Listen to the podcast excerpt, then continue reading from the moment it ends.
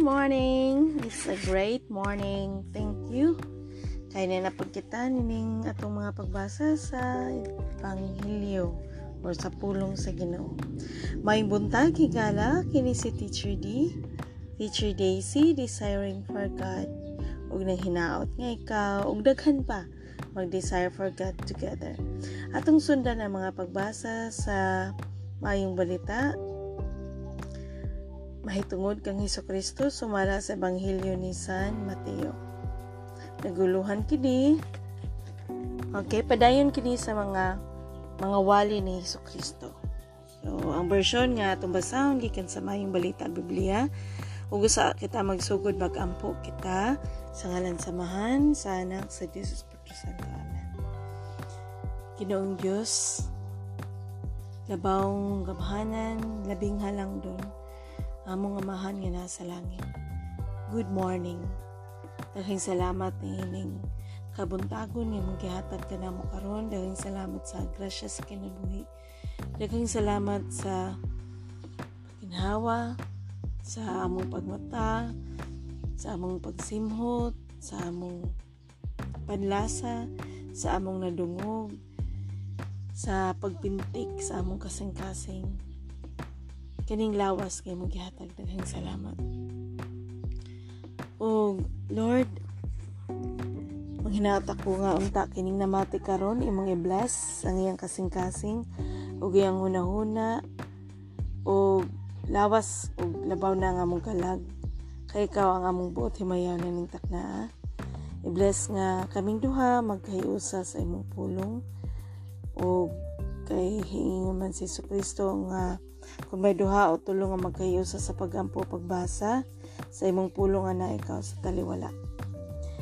O Lord, mga yun tapos may pasaylo sa mong mga sala, labi na sa mga nabuhat na mo kagahapon, mga kakuwangan, mga mga pag saban mga ah, labi na na kagahapon wala din ko makasimba kay nga nagtuuman ko Lord nga ay si Kanmas. Uh, but anyway, later masimba ko niya para sa pag pag unang misa sa among bagong pari. Hopefully, ma mahalugaran kini. Og daghano sa ba makasimba. Dili tungod sa pari nga bagot kun dili tungod og pag-alaga diha kanimo. Amo sabi apil ang among pagampo ang COVID pandemic intention Naunta ang matested ka ng adlaw man negative ug kun pananglitan man mga positive mamahimon ta sila nga magmaligon kanimo sa ilang pagdawat sa pagsuway sa kinabuhi ug labaw sa tanan. Among makita ang rason nga nung hangtod karon may pandemya pa. Kung seleksyon nga wala pa namo makatuni, amahan, tultulin taon kami. Kini among giampo ug ipasalamatan sa ngalan ni Hesus Kristo nga among Ginoong manluluwas o ginabanan sa Diyos Espiritu Santo. Amen. Sa ngalan samahan sa anak sa Diyos Espiritu Santo. Amen. Pagtulunan mahitungod sa paghukom.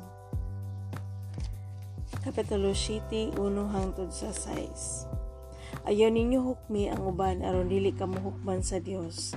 Kay hukman kamo sa Dios sama sa paghukom ninyo sa uban ug sukdon kamo niya sa samang suklanan nga inyong gigamit sa uban. Ngano nakita man nimo ang upuling sa imong isig katawo apan wala ka magtagad sa truso diha sa imong mata. Unsaon man nimo pag-ingon sa imong isig katawo kuhaon ko kanang imong puling nga naa sa imong nga may truso sa imong mata. Tig pa karon ingnon. Kuhaon na ang truso nga naa sa imong mata aron makakita kapag ayo o makuha mo ang puling sa imong isig katawo. Ayo ihatag ang mga buta nga balaan ngadto sa mga iro kay tingalig mo sumbalik siya sila og mupaakan ninyo. Ug ayaw iitsa ang mga perlas ngadto sa mga baboy kay kini tamak-tamakan lamang nila. Pangayo, pangita, pagtuktok. Kapitulo 7, 7 hangtod sa 12. Pangayo og kamuhatagan, pangita og kamo makakaplag, panuktok og ang putahan ablihan alang kaninyo. kay ang mangayo hatagan ug ang mangita makakaplag ug ang manuktok ablihan kamong mga amahan hatagan ba ninyo bato ang inyong anak kung mangayo silag pan o hatagan ba ninyo bitin kung mangayo silag isda kung kamo nga mga dautan mahibalong muhatag og maayong butang ngadto sa inyong mga anak kung sa pakaha ang inyong amahan nga tuwa sa langit. Muhatag gayud siya sa mga maayong butang ni adtong mangayo kaniya buhatan ninyo sa ngadto sa uban ang butin ninyo nga ilang buhaton nga na kaninyo kini ang kahulugan sa balao ni Moises ug sa pagtulunan sa mga propeta ang sigpit nga haganghaan Kapitulo 7, 13 hangtod sa 14. Sa inyong pagpangita sa dalan sa kinabuhi, sulod kamo sa sigpit nga ganghaan, kayang lapad nga ganghaan ug ang sayon nga dalan paingon man sa kalaglagan. Mao kini ang gisubay sa kadaghanan. Apan masigpit ang kaghaan ug malisod ang dalan paingon sa kinabuhing dayon ug jutay ang nakakaplag niini. Ang punuan maila sa iyang bunga Kapitulo 7, 15 hangtod sa 20. Pagbantay kamo sa mga mini nga propeta, muanha sila kaninyo nga mur murag mga karnero, apan ang tinuod sama sila sa bangis nga mga lobo. Mailhan ninyo sila sa ilang binuhatan. Kay ang sampinit dili man mamungag ubas o ang kadyapa dili usab mamungag igos. Ang punuan nga walay sakit, mamungag maayong bunga. Apan ang punuan nga masakiton, dili mamunga o mamu- ayong bunga. Dili makabungag walay pulos ang nga bunga ang punuan nga walay sakit sa mga ang masakiton nga punuan dili makabungag maayong bunga. Ang matak punuan nga dili ma bungag maayong bunga putlon o gisugnod sa kalayo. Busa, mailhan ninyo ang mga mini nga propeta pinagi sa ilang binuhatan. Kapitulo 7, 21 hangtod sa 23. Wala ako makaila kaninyo. Dili ang tanan nga magtawag kanako Ginoo Ginoo makasulod sa gingharian sa langit. Kung dili kadto lamang nagtuman sa kabubuton sa akong amahan nga atuwa sa langit Niadtong adlaw daghan unya ang moingon kanako Ginoo. Dili ba nagsangyaw man kami sa mensahe sa Dios ug naghingilin sa mga yawa? Ug naghimog daghang mga milagro pinagi sa imong ngalan? Apan ingnon ko niya sila wala ako makaila kaninyo mga makasasala pahawa kamo. Kapitulo 7 24 hangtod sa 27. Ang duha ka tawo nga nagbuhat og balay. Busa ang tanan nga nakadungog sa akong gisulti ug nagtuman niini mahisamaw sa usa ka maalamong tawo nga nagtukod sa iyang balay diha sa bato. Sa dihang mibundak ang ulan ug mibaha ang mga suba ug ang hangin mihapak ug mikusukuso niadtong balaya wala kini matumbak kay natukod man kini diha sa bato. Apan ang tanan nga maka, nakadungog sa akong gisulti ug dili mo tuman niini, mahisama sa sa kataong buang-buang. Nga nagtukod sa iyang balay diha sa balas. Sa dihang may bundak ang ulan ug mibaha ug ang hangin mihapak ug mikusukuso ni atong balaya natumbak kini ug nagunog. Otoridad ni Jesus, Kapitulo 7, 28 nga sa 29. Sa pagkahuman ni Jesus ug sulti ni ining mga butanga, ang mga tao na tingala sa iyang pagtulunan. Lahi siya sa ilang mga magtutudlo sa balaod, kay iyang pagtudlo, inubanan man sa otoridad. Mao kini ang pulong sa Ginoo.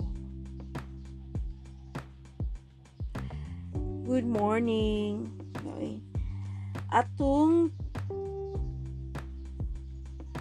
kadagan man nga topic panibayag 1, 2, 3, 4, 5, 6, 7 kung inyo mabantayan ang atong mga panahon ni magmisa kung ano ni siya ang pagtulunan niya kanara nga part paninglitan mora day basahon gyud dili ni siya ingon nga diri diretsyohon pero ang atong goal is to read by chapter man mao na nga diretso ang atong pagbasa so unsa may mga pagtulunan mga highlight nga atong atong batunan ni ani no Direta sa permiro, pagtulunan mahitungod sa paghukom. Nari kita sa Shiti versikulo 1. Ayaw ninyo hukmi ang uban aron dili ka muhukman sa Dios. Again, ayaw ninyo hukmi ang uban aron dili ka muhukman sa Dios. Ano ako mag-explain na na klaro kayo na. So, kung gusto nimo mahinumduman ni unsay but pasabot ni ani, pamati a attorney or mismo ikaw pagbasa. Dili pa nganin amo sulod sa imong kasing-kasing buti pasabot nagdumili kapag dawat ni ani. Nagdumili ka. Diri na puta pangayo pangita og panuktok city versikulo city. Pangayo og kamuhatagan, pangita og kamo makakaplak panuktok og ang putahan ablihan alang kanimo. Uh, kung financial na ato una-una or kanang mga mga unsay madawat ato sa kalibutan dili ni maibot ipasabot pero pwede gamiton ni siya nga prinsipyo. Pero ang buti pa sabutan ni spiritual. So kung gusto ka mas ma kuan ang imong espiritu, 'di ba? Kay namdum mo atong sa bulahan, itong mga ibasa na to about sa mga bulahan, ang mila nga sila kabus uh, sa mga butang sa espirituhanon kay maangko nila ang paghari sa Dios sa 5 kapitulo 3 mo ni siyang but pasabot dinhi pangayo ug kamuhatagan so kung dili man kakasabot nga kinahanglan ka mangayo kung wala wala ka kahibaw nga kuwang kaniana so ikaw igsuon akong gihangyo nga pangayo ah. Pangayo ah nga makasabot ka. Kung paninglitan kaning atong gibasa karon murag murag nakahuwis ka nga kinsa man kinsa man ang nag-share kinsa man na siya nga nagbasa nga unsa may authority? No? by the authority of God and through the Holy Spirit nahira gid siya. Oo. So, dili but pa sabat nga hilabaw na sa atong mga nagduma sa simbahan di kay wala wala ako interes ana. Ang ako lamang nga uh, mong journey magtuon. Isip maestra no? Kanang naalang ko na nabatunan nga uno man gud ka prinsipyo ang pag kuan pag katon sa usa ka magtulunan ba estudyante una kinahanglan na siya knowledge na siya na mauhan tapos katong iyang namauhan iyang intindihon. Tapos katong iyang naintindi na iyang naintindihan iya tong i-analyze. Hmm. kung mao na ba ni sakto na ba ni? Syempre ang iyang mga namauhan sa una or ang one niya i-analyze to niya. Kao man iyang i-aplikar iyang i-practice sa iyang kinabuhi ngarita sa sunod mao nang iyang i i-examine kung iya na ba nang kuan na, nabuhat na ba niya sa iyang kaugalingon. Then kung nabuhat na mayo kung wala then you are going to create. O imo imo siyang imugna ibugna nimo siya. Mo ni siya ang konsepto nga akong nabantayan. Isip kita nga mga tumutuon ni Hesus Kristo sumusunod ni Hesus Kristo. Wala magpuyo sa pagtuon wala ta magpuyo sa kaning knowledge pa lang daan wala ni nato puyi so unsa man nato pag-create? Unsa man nato pag nato sa ikaonom nga we have to create. Mm-hmm.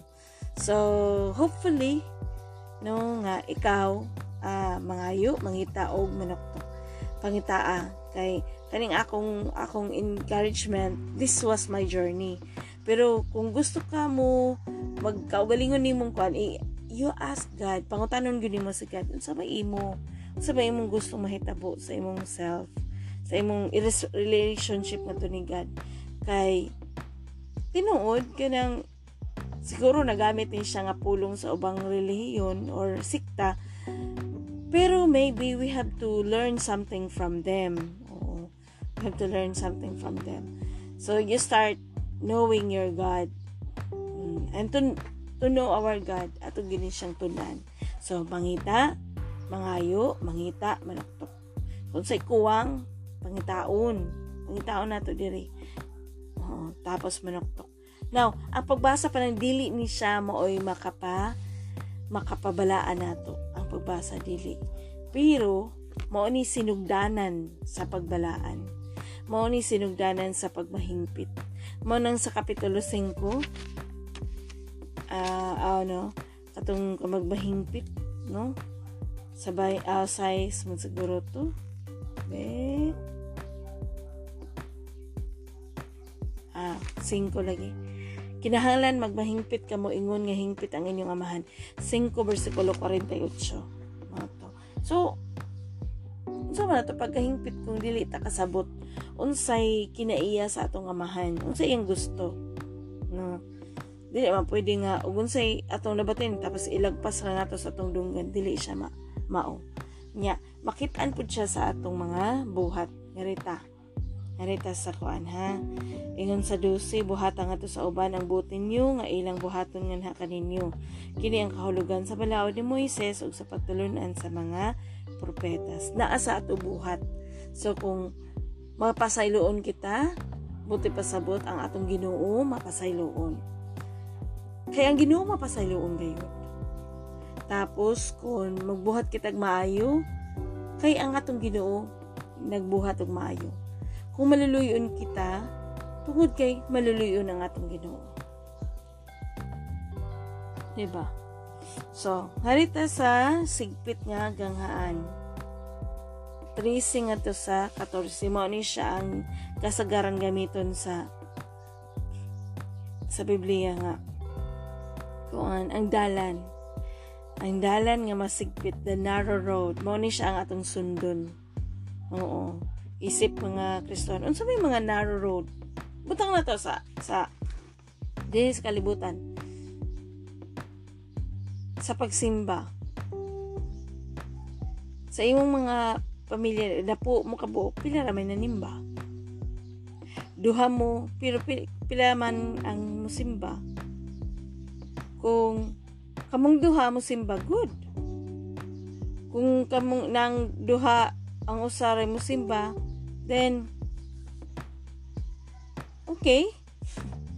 Okay pero di siya good. Pero kung kamong duha dili mo simba not good. Not okay. Diba? Mo na siya. Masigpit nga dalan ang pag-choose pagpili. Mm pagpili kana kung atong choices. Pagpili kay tagaan mo tag freedom ni God nga magpili. Now kung kung God is God kung ang imong hunahuna sa imong God mao na ang magbuot nimo then dili siya God. God our God has given us a choice. Kung natay freedom. Mm -mm. natay freedom kung mangayo ta mangita kung mo pasaylo ta, muhukom, mukuan, tanan, tanan nga freedom. Oo. Kay mailhan na, na niya sa atong mga buhat. Ngarita sa 7, 15 nga to sa 20. Ang matag nga dili mamungag maayong bunga, putlon o isugnod sa kalayo. Ang mga tatinghanan. So, uh, busa mila ninyo ang mga mini nga propinagi sa ilang binuhatan. Uh, atong, kwan, it's not nga kani siyang punto, dili ni siya punto para mag-question ta sa uban kay mosango na puta dito sa kuan katong katong mga truso um, nga ato sang kuhaon kanang imong puling um, So, kuha ta sa puling sa uban pero ang atong kuan sa tuguling wala. Kani siya mo guiding guiding uh, verse na to para sa mabuhi. Uh, magkinabuhi kita nga may pagtuo, may pagsunod nga to sa dalan nga buti pasabot sa Ginoo. Kaning masigpit nga dalan. Tapos ay, Diyos ko, kulba kay ni wala ako makaila kaninyo mga makasasala, pahawa kamo. marag ano kanang nang tusok sa kasing-kasing. Mga makasasala pahawa ka mo. Unsa kinsa man nga mga unsa nga klase nga sala nga di gyud wa gyud di appreciate sa Ginoo? Ma-appreciate pa di ang sala? Ikaw maka-appreciate ka og nay nakasala nimo no dili gyud nato ma-appreciate Yeah. Uy, salamat. Kaya nagkuhan ka. Imo ko gyud kawatan. Ngayon, dahil ta. Di, di ba? May kita nga pahawa. Or, ngadto. Pero, since dili man tang ginoo, niya ang masigpit nga dalan, mao niya pagpasaylo, pagintindi sa mga nakasala nato. Kinsa may mo, mo judge na ng mga makasala, pahawa ka mo. Dili kita. Dili kita. Ang Ginoo mismo. So ang Ginoo lang. So kung kuan mo pasaylua kapila? Kapituan kapito. Pila na? 490 so kinsa may nakasala nimo I have a challenge for you. Ilista sa papel sa tuo nga uh, tungaang imong papel. Sa tuo nga part imong ilista ang mga ang mga nakasala kanimo no nakasala kanimo and then unsa ilang mga sala tapos nga rin sa wala ilista ang mga imong nasadal ikaw kanang ikaw ni nakasa ilistahan niyo sa imong sa nila Then, imo ani nga verse, imo ani nga guide, kani nga chapter 7 sa imong pagkuan bansay. Kayo, kareho, kay hukman kamo sa Dios sama sa paghukom ninyo sa uban. Oksot dun kamo niya sa samang sukdanan nga inyong gigamit sa uban. Ikaw, gusto ka ba nga inon sa Ginoo nga wala ako makaila kanimo? kay ako igsuon morning morning sinugdanan gyud nga nung nagbasa ko sa Biblia mo gyud ni usapod yung mga verses ngayon gusto ko nga murag ako gyud siyang gikon gi-claim nga kanang daghan makaila sa Ginoo kay dili ko gusto nga ang Ginoo dili makaila nato hmm. kay basin ingnon ta nga mga makasasala pahawa ka agay So atong i-realize kung asa ta dapita nga punto sa kasing-kasing sa Ginoo. Kung pwede man. Pangayoon man na, pangayo pa nga, pangita, panok to ko. Pangayoon na to nga, Lord, pakita ako kung asa ko nga parte sa imong kasing-kasing. Pakita ako, Lord, kung sakto ba ning akong mga binuhatan. Nga nakalipay ba ang akong mga binuhatan diha kanimo. Nya, ngarita igsoon. Ang duha ka tawo nga nagbuhat og balay. Unsa may puntos din hi. Ang buti pa sa apa ng tanan nga nakadungog sa akong gisulti.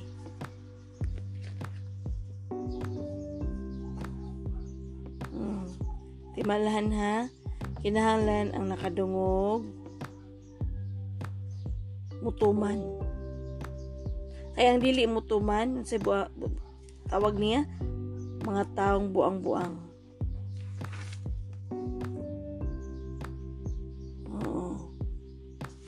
Mga taong buang-buang. Nakadungog, mutuman. So, kung ang mutuman po, mga taong maalamon po siya. So, unsa man ato pagkadungog kung wa tay nadungog? Unsa na to pagkadungog kung wala ta mamati? Kung unsa na to pagpamati kung wala ta mo gahin og panahon.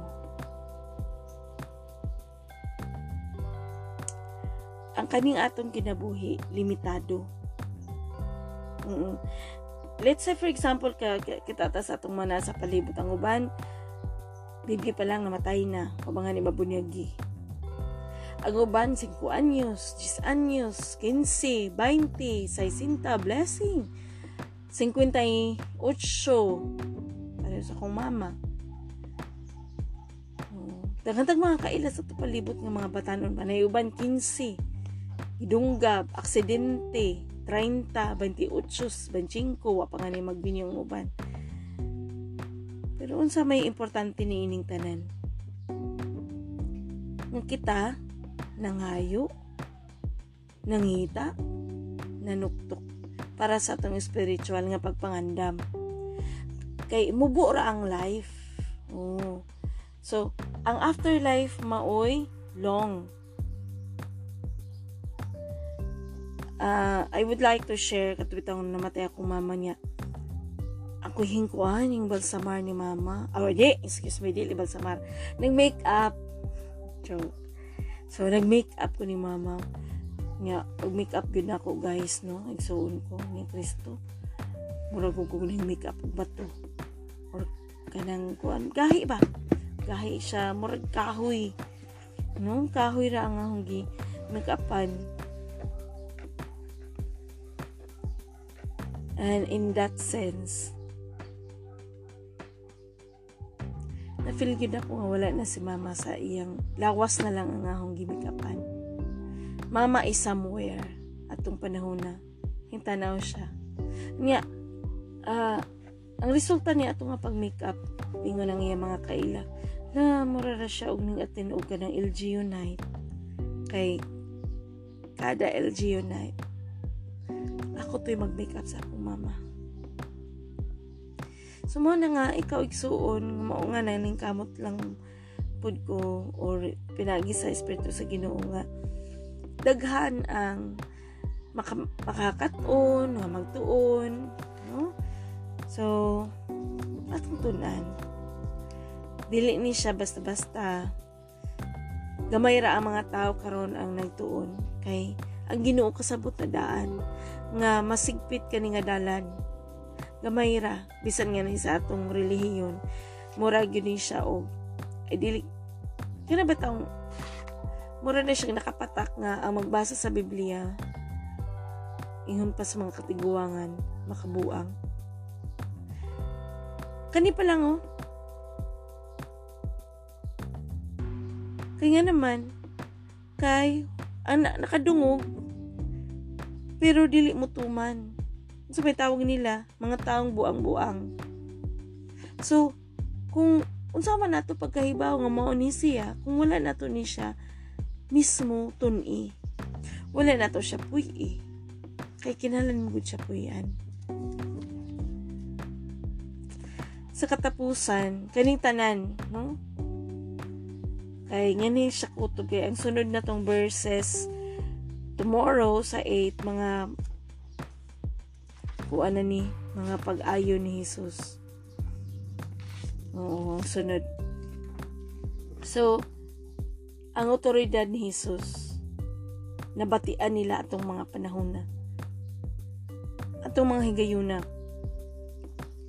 so naa sila'y na feel nilang authority ni God importante ang ma-feel mo ang authority sa usa ka tawo nya si Jesus kay tao man nagpaka nga Diyos nagpakatao nga Diyos.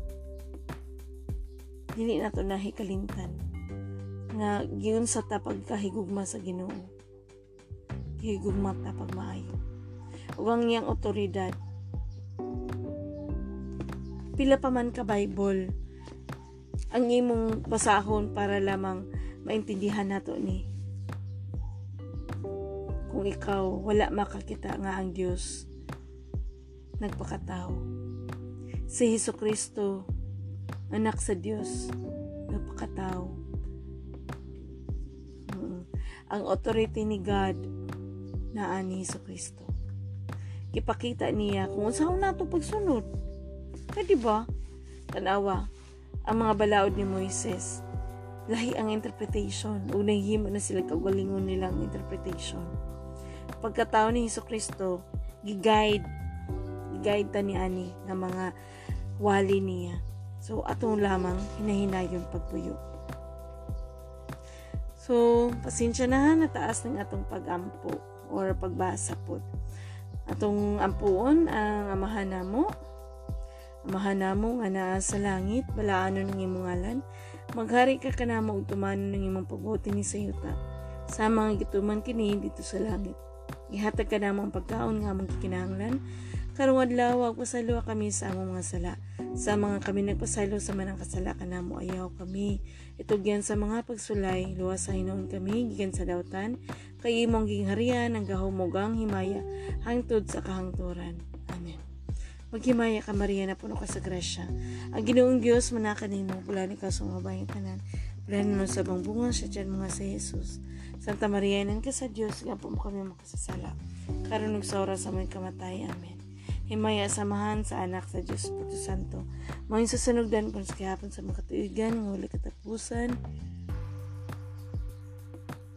Mga tanan. Amen. Ug ato ning isabat and put your heart in it. Kaya ko anak sa Diyos, samahan, pinagi kang Heso Kristo, akong ginuog manuluwas, inubanan sa Diyos Espiritu Santo. Ako mahigugmaon. Ako may pagtuo. Ako may paglaom. Ako mapasayloon. Ako magmapasalamaton. Ako magmanggihatagon. Ako responsable sa istorya ako magmatumanon sa sugo. Ako magbadahigon. Amen. Kini si Teacher D, Teacher Daisy, ug manamilit ka ninyo ug magpasalamat nga namati ka karong panahon na. Thank you and God bless. Bye! Smile! Spread love! Spread kindness. Spread hope.